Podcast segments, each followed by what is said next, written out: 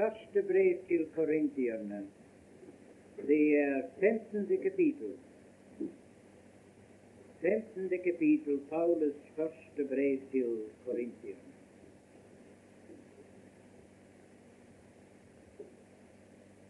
Vi leser fra vers 13. Vers 13. Men er det ikke noen oppstandelse av det døde, da er heller ikke Kristus oppstanden. Men er Kristus ikke oppstanden, da er vår forkynnelse intet. Da er også eders tro intet. Da finnes vi òg å være falske vitner om Gud, fordi vi har vitnet mot Gud at Han har oppvakt Kristus, hvem Han dog ikke har oppvakt, hvem altså det døde ikke oppstår. Til dersom det døde ikke oppstår, da er heller ikke Kristus oppstanden. Men er Kristus ikke oppstanden, da er eders tro unyttig. Da er I ennå i eders synd. Vers 20. Men nå er Kristus oppstanden fra det døde og er bleven førstegrøte av de hensovede. Til eftersom døden er kommet ved et menneske, så er òg det dødes oppstandelse kommet ved et menneske.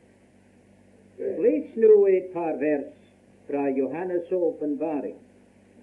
Johannes' åpenbaring og det første kapittel.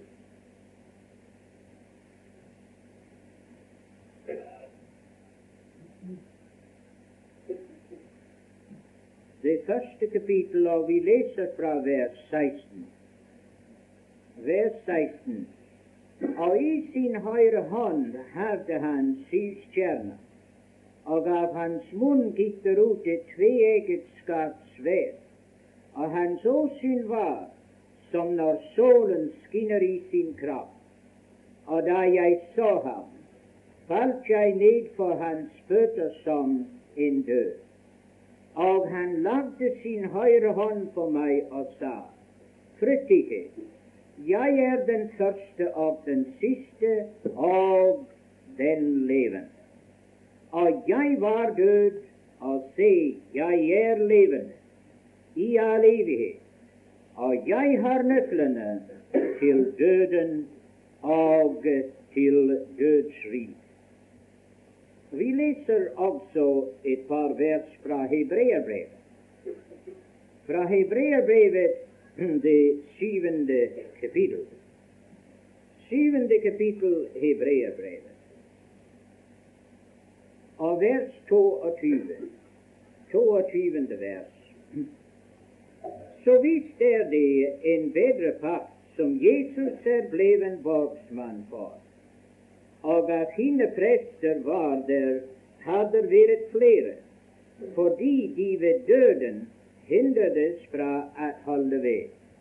Men denne har et uforkrenkelig prestedømme, fordi han bliver til evig tid, hvorfor han òg kan fullkommen frelse.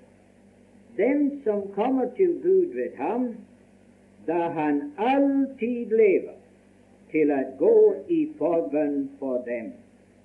Til en sånn ypperste prest måtte vi òg have, hellig og lastelig, ren, skilt fra syndere, og opphøyet over himlene. Det er ennå et vers i Johannes evangelium. Johannes evangelium, det 14. kapittel. Johannes evangelium og kapittel 14.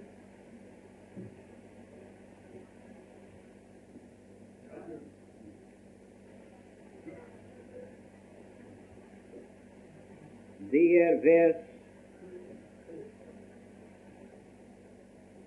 vers 19. Ennå en liten stund, og verden ser meg ikke lenger, men I ser meg. Til jeg lever, og I skal leve. Enda et vers i hm, brevet til galaterne. Brevet til galaterne. Det andre kapittel. Brevet til galaterne, det andre kapittel og vers 20. Jeg er korsfestet med Kristus. Jeg lever ikke lenger selv, men Kristus lever i meg.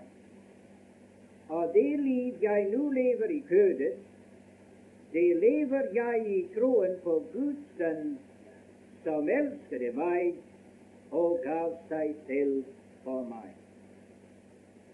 Må Herren rikelig velsigne for oss lesningen av sitt dyrebare ord.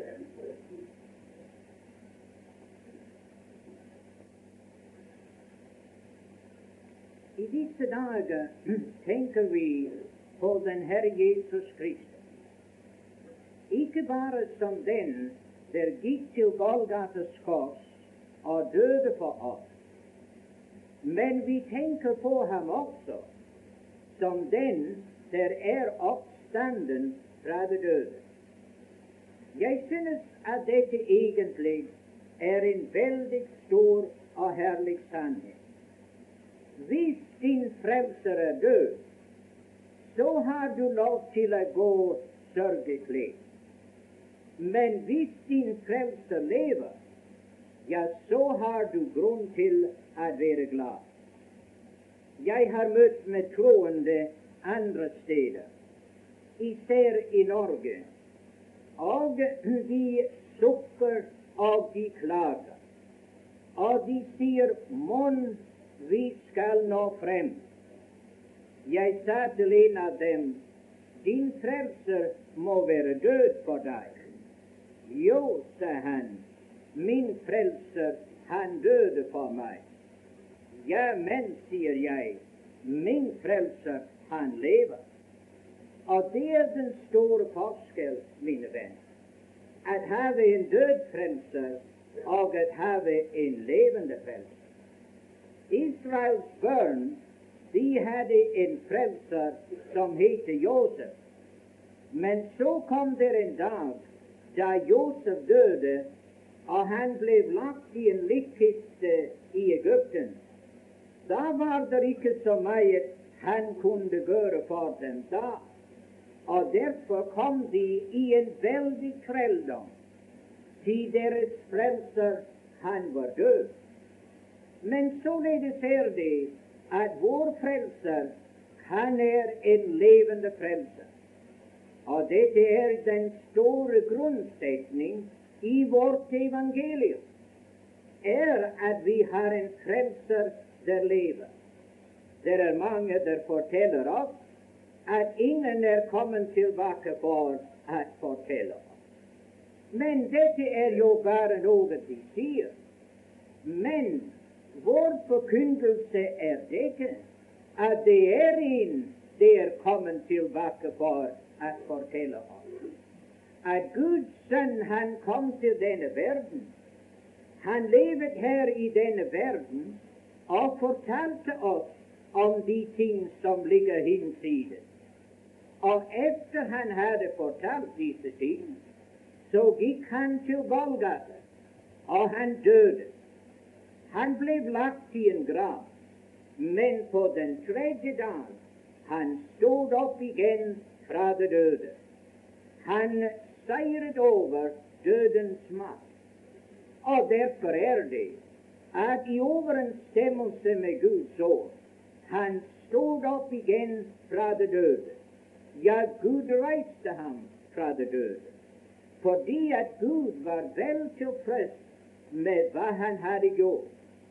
Det beste bevis var at Gud var tilfreds med hva Kristus gjorde på Golgata, var det at han reiste ham fra det døde, og han satt ham ved hans høyre hånd i himmelens herlighet.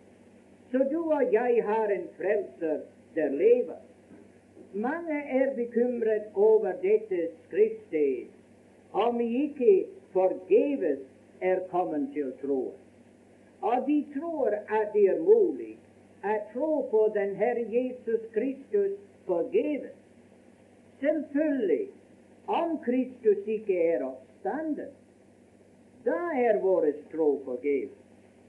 Si vi tror på en oppstanden frelser, men skulle han ikke være oppstanden, så er troen forgjeves. Og så er ennå i våre synder, og de yndverdigste av alle mennesker. Men det er dette Paulus han gjør klart for oss. Det er umulig å tro på den Herre Jesus Kristus forgjeves, fordi han er oppstanden.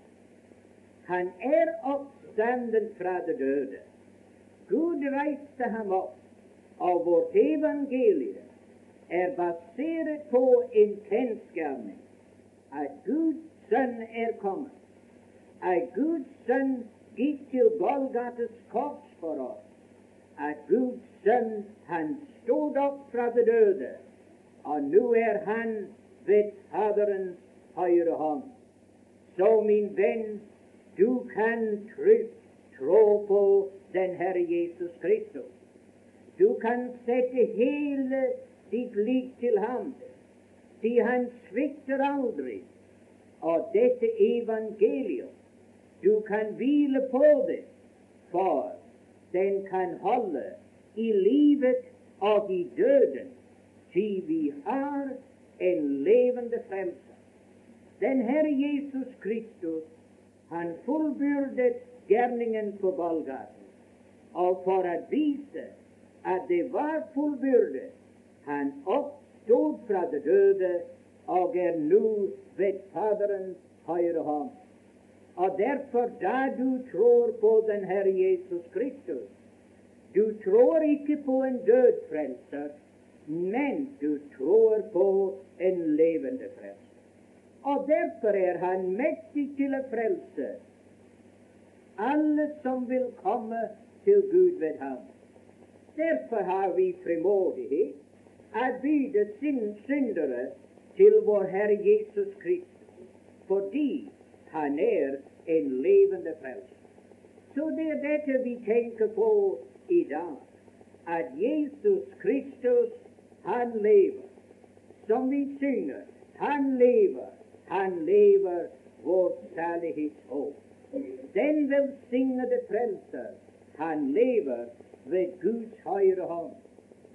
Nå tenker jeg på dette, at i, den sannhet er grunnvoll i vårt evangelium. Det er at vi har en levende frelser, og derfor kan vi byde syndere at komme til ham fordi han er mektig til å frelse hver eneste en som vil tro på ham. Så skulle det være en her i dag, og du føler at du trenger til en frelser. En frelser der kan løfte deg opp. En frelser der har makt og kraft til å frelse deg. Så kan du trygt komme til den Herre Jesus, fordi han er en levende frelser. Der er mange mennesker bundet med syndens lenker. Og de frykter for å komme til Kristus, for de synes de har ikke kraft til det. Men kraften er ikke din, min venn. Kraften er Han. Det er Han det er mektig til å frelse. Hver den som tror på Ham. Så kom som du er i dag, og du skal finne at han er en levende frelser, og at vårt evangelium er basert på kjensgjerninger som er bevisst i Guds ord, og som du kan stole på for tid og for evighet. Johannes han fikk en herlig opplevelse. Han fikk se den Herre Jesus Kristus i sin oppstanden herlighet. Johannes hadde sett den Herre Jesus som et menneske mens han vandret her i denne verden. Han helte sitt hoved opp til Kristi bryst. Han sa ham også etter han stod opp fra det døde, for at han forlot sine disipler her i denne verden. Men den dag som han fikk se Herren i sin oppstandende herlighet her, og det gjorde et veldig inntrykk på ham. Han falt ned for hans føtter som en død. Og da er det han hører disse herlige ord. Frykt ikke, jeg er den som var død. Ja, den samme som vandret her, Johannes. Den samme som du kjente. Den samme som ble naglet til Golgates kors. Men, sier han, se, jeg lever, og jeg har nøklene til døden og til dødsriket. Her kan du se at den frelser, at han er en veldig seierherre. Si han har vært nede i disse områder som er omtalt ved døden og dødsriket, og han har tilintet gjort ham som hadde dødens velde. Han har taget fra ham nøklene. Han har taget myndigheten fra den store sjelefiende. Og så er det dette Døden og dødsriket er beseiret. Og vår velsignede frelser, han lever. Han lever etter å ha overvunnet alle våre fiender. Og den sannhet er så herlig. At vite dette, at vi har en frelser, der er oppstanden. Og du, kjære Guds barn, du behøver ikke å frykte for døden og dødsriket. Til din frelser er den som har nøklene til døden og til dødsriket.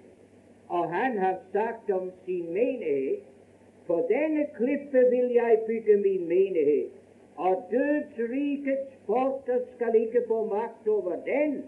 Nei, den er sikker, og den er velsignet. Mange Guds barn de tenker når de blir litt eldre, hvordan skal det gå? Når vi kommer til dødens kalde vann. Men å, dette bildet her skulle give hver eneste Guds barn mot å styrke dem i deres tillit til Herren. Se, jeg lever, og jeg har nøklene til døden og til dødsriket. Din frelser er mektig. Han har seiret over alle våre fiender. Så dette kan trøste våre hjerter å vite at vi har en levende frelser, så at vi kan ha tro på dette evangeliet. Men vi har en levende frelser som har overvunnet alle våre fjender. Så vi har intet å frykte som det står i Kolossenserbrevet, at han stillet dem åpenlyst til skue idet han seiret over dem på korset.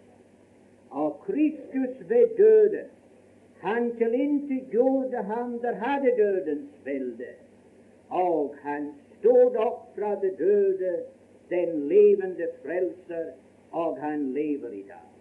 Det er dette som styrker Guds barns hjerte i deres vandring her igjennom denne verden. Men Hebreabrevet viser oss den Herre Jesus Kristus på en annen måte. Det minner oss om at en sånn prest måtte vi ha. Det var ikke bare dette at Kristus forlikte oss med hans død, men det står hvor meget mere skal vi blive frelst ved Hans liv etter at vi er forliktet. Mange troende er ikke klar over dette, at de er jo frelse er satt i forbindelse med Kristi liv. Han forlikte oss med sin død, men hvor meget mere skal han frelse oss ved sitt liv. efter at vi er blevet forlikte. Og dette er velsignet at vite dette, at vi er forlikt ved Jesus Kristus og hans død på korset.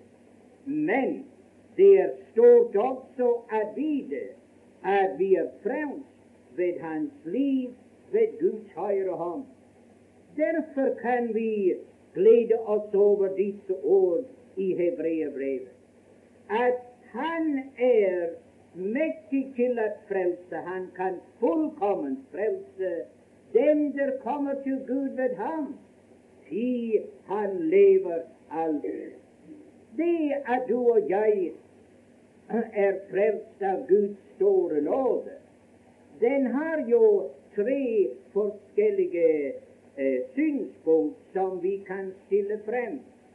Den ene er jeg er frelst fordi at Kristus han døde for meg.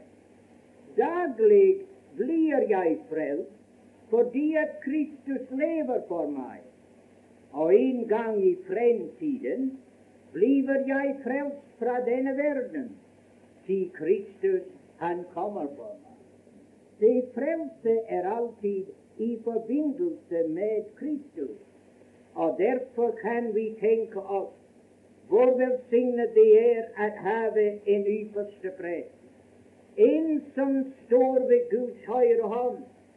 En som alltid går i forbønn for oss. Ja, hvordan skulle du kunne klare deg, kjære Guds barn, hadde du ikke en sånn ypperste prest? Den Herre Jesus Kristus er en prest som kjenner deg. Han kan ha medynk med oss i våre skrøpeligheter. Han kjenner oss helt igjennom. Det er ikke en eneste ting som har møtt oss her i denne verden som han ikke forstår. Vet hva det er å bli tørstig. Han vet hva det er å bli hungrig. Han vet hva det er å være trett. Han vet hva det er å stå ved en grav og gråte. Det er ikke en eneste ting som har møtt oss mennesker her i denne verden som Jesus ikke forstår. Og tenk, vi har en ypperste prest som lever. Etter å ha gått igjennom alle de erfaringer her i denne verden, etter å ha prøvd alle de ting som du og jeg må prøve, nå er han ved Guds høyre hånd, og tenk, han går i forbønn for oss. Så du behøver ikke å være ulykkelig. Om den ene eller den andre erfaring møter deg, om dine medmennesker ikke forstår deg, for det er mange av dem som ikke forstår deg. Jeg hørte om en mann. Han fylte 70 år, og han ved hans fødselsdag han fortalte dette, at han aldri visste hva det var å bli trett. Og hans kone hun sa ja, det er sant. Og han hadde aldri forstått noen annen som var trett. Ja, det kunne være så. En som ikke hadde erfart hva det var å bli trett, han kunne ikke forstå en annen som ble trett. Men Jesus Kristus kan forstå det alt sammen. Han har prøvd det alt sammen. Men tenk, etter at han har prøvd det alt sammen, han lever til frelse for deg og meg. Og det er der, kjære Guds bønn, vi henter vår styrke og vår kraft til det daglige liv. Det er at min frelser, han lever, og han går i forbønn for meg. Det er han der styrker deg gjennom din sorg og dine vanskeligheter. Det er Han der står deg vid. Det er ham. Det er alt for deg i det daglige liv. Så du har en levende frelser. En frelser ved Guds høyre hånd. Og derfor kan du trygt legge din hånd i hans hånd. Og han vil føre deg, og han vil lede deg hver eneste dag. En fjerde tanke som er satt i forbindelse med den levende frelse, er den som vi fikk frem i Johannes evangelium. Jeg lever, og I skal også. Ty jeg lever, og I skal leve. Om vår frelser ikke var den levende frelser, så var det ikke noe håp for oss. Men han oppstod fra det døde. Han er ved Faderens høyre hånd, og han sier til jeg lever, og I skal leve. Tenk det beste bevis for at de graver hvor Guds barn legeme ligger, de skal alle sammen på den herlige morgen de skal åpnes. Og hver eneste av dem skal stå opp. Hvorfor? Fordi Jesus er oppstander. Og hver eneste av dem skal leve fordi han lever. Og hver eneste av dem skal leve alltid, eller i all evighet, fordi han lever i all evighet. Vårt liv er forbundet med en levende frälsare. Och grip den tanke, käre Guds barn, att det vill giva dig hopp, att det vill giva dig styrka i det dagliga livet. Ty det vill fylla ditt hjärta med en levande frälsare, en frälsare som lever för dig. Och förbi att han lever, skall du också også en dag leve sammen med ham. Er dette ikke herlig at så sant det er en levende frelser ved Guds høyre hånd, så sant en dag skal det være en levende menighet ved Guds høyre hånd. Til jeg lever, og I skal leve. Så jeg synes vi har meget å røste våre hjerter og at styrke oss her i denne verden, da vi betrakter at vi har en levende frelse. Det er kun en tanke som jeg ønsker å understreke før jeg setter meg. Og det er det som Paulus fremstiller i Galaterbrevet. Og han fremstiller en levende frelser. Ikke en levende frelser ved Guds høyre hånd, men en levende frelser i Paulus. Å, sier du, dette er noe som jeg ikke har tenkt på. De fleste av oss er vant til å betrakte den levende frelser ved Guds høyre hånd. Men vi glemmer at den levende frelse er i deg og i meg. Det er store, store sannheter i Bibelen. Den ene sannhet er dette at jeg er i Kristus. Men den andre sannhet er at Kristus er i meg. Og ofte er vi opptatt med denne sannhet at jeg er i Kristus. Det vil si at det er min stilling. Men at Kristus er i meg, det har med min tilstand å gjøre. Jeg traff en mann i Norge som talte så mye om å være i Kristus, men jeg sa til ham rent ut, min venn, om Kristus ikke er i deg, så er du heller ikke i Kristus. Se, du kan ikke være i Kristus om Kristus ikke er i deg. Ah, det er dette som jeg tror er en sannhet vi alle sammen behøver at like frem ta til hjertet. For den som er i Kristus, så vil Kristus være i ham. Og er Kristus ikke i ham, så har han ikke lov til å si han er i Kristus. Til dette var Guds store ønske, at Kristus skulle være i hver eneste av oss. Satan han trodde han hadde gjort et veldig stor seier da han fikk den Herre Jesus Kristus ut av denne verden gjennom døden på Golgates kors. Men, mine venner, det var det verste han noensinne har lagd. Du sier hvorfor det? For det har vært således at Kristus har levet sitt liv om igjen i denne verden millioner av ganger siden.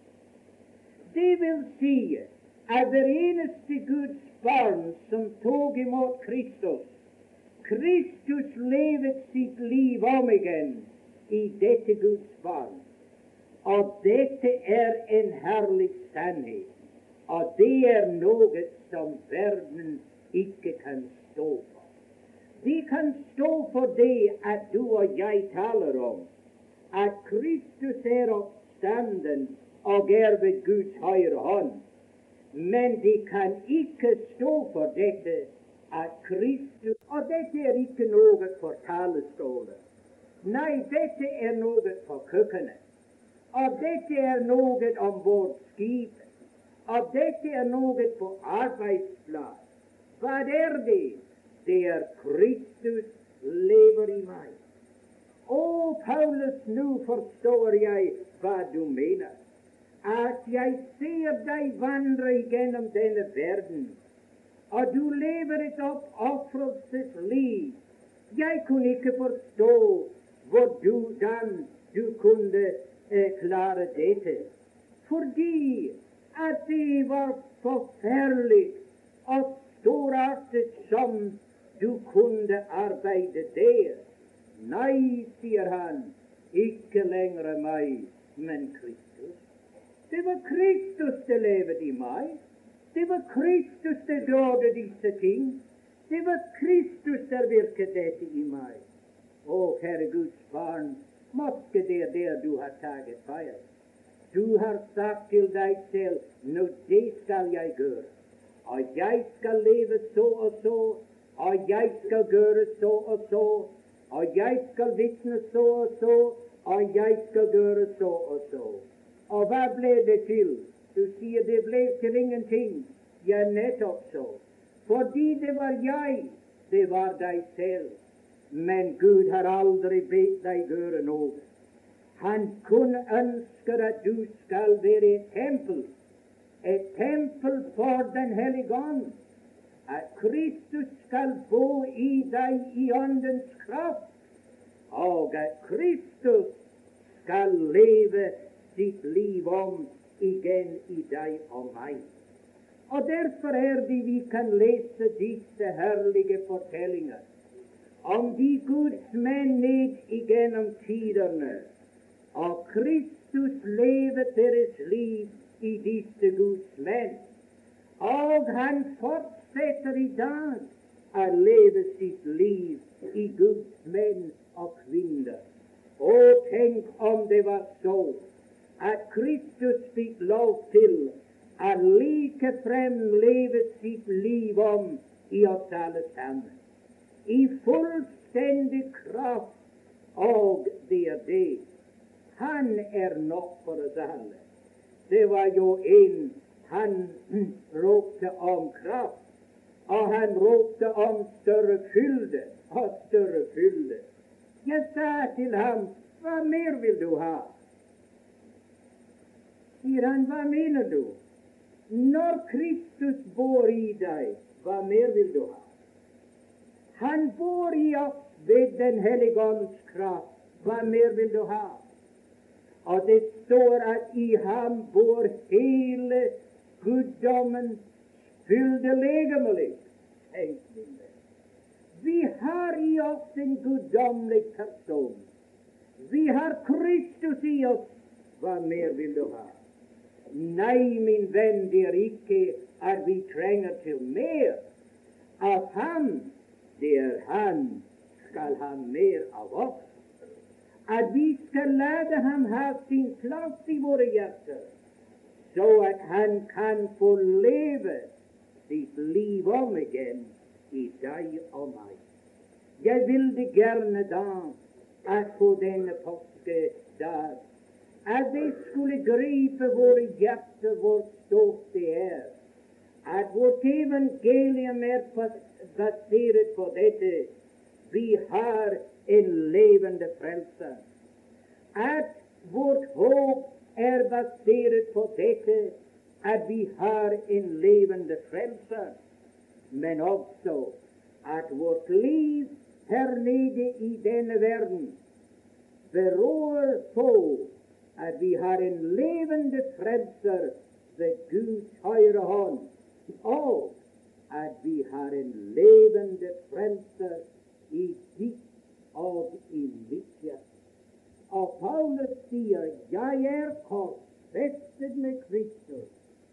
Jeg lever ikke lenger, men Kristus lever i meg. Og det liv som jeg nå lever, jeg lever i troen på Guds sønn, som elsket meg og gav seg selv for meg. Kjære Guds barn, jeg tror vi trenger alle sammen til å lære den store eh, sannhet at Kristus, han skal leve i oss. Så at vi ikke gjør noe i egen kraft, men at det er Kristus der virker i oss ved Åndens kraft. Til Guds ånd bor i oss. Og om Guds ånd bor i oss, så vil Guds ånd også virke i oss. Og den måte som det virker, er at det fremkaller Åndens frukt. Og Åndens frukt er det som er Gud til velbehag. Så, min venn, i aften jeg kunne ønske at de sannheter ville styrke våre hjerter. At Kristus er oppstanden. Det er ikke til å ta feil. Vi kan trygt hvile på Og fordi Han er oppstanden, så er det at vi har seiret sammen med ham. Og fordi Han er oppstanden, har vi en frelser der går i forbønn for oss. Og fordi Han er oppstanden, han lever i hver eneste Guds barn. Og at det er for oss å lade ham få hel kontroll over oss, våre leper, våre hjerter, vår sinn, vår alt, at det må være Kristus der lever i deg og meg. Og da vil vi være en kraft for Gud her. Tenk om det var tusen troende på Færøyene, og det vil si at Kristus levet sitt liv om igjen tusen ganger her på disse øer ja, da skal jeg love for det vil være en kraft. Men det er dette Han har kalt oss til, at Kristus kan bo i oss ved sin ånd, så at vi kan være en kraft for ham her i denne verden. Så den levende Kristus, det er det største bevis på evangeliets sannhet. Og glem ikke den levende Kristus i deg og i meg. Og fordi han lever, vi skal også leve. Og måske innen lenge vi skal se hans åsyn, og vi skal leve med ham i all evighet. Han sier, se, jeg lever og lever i all evighet.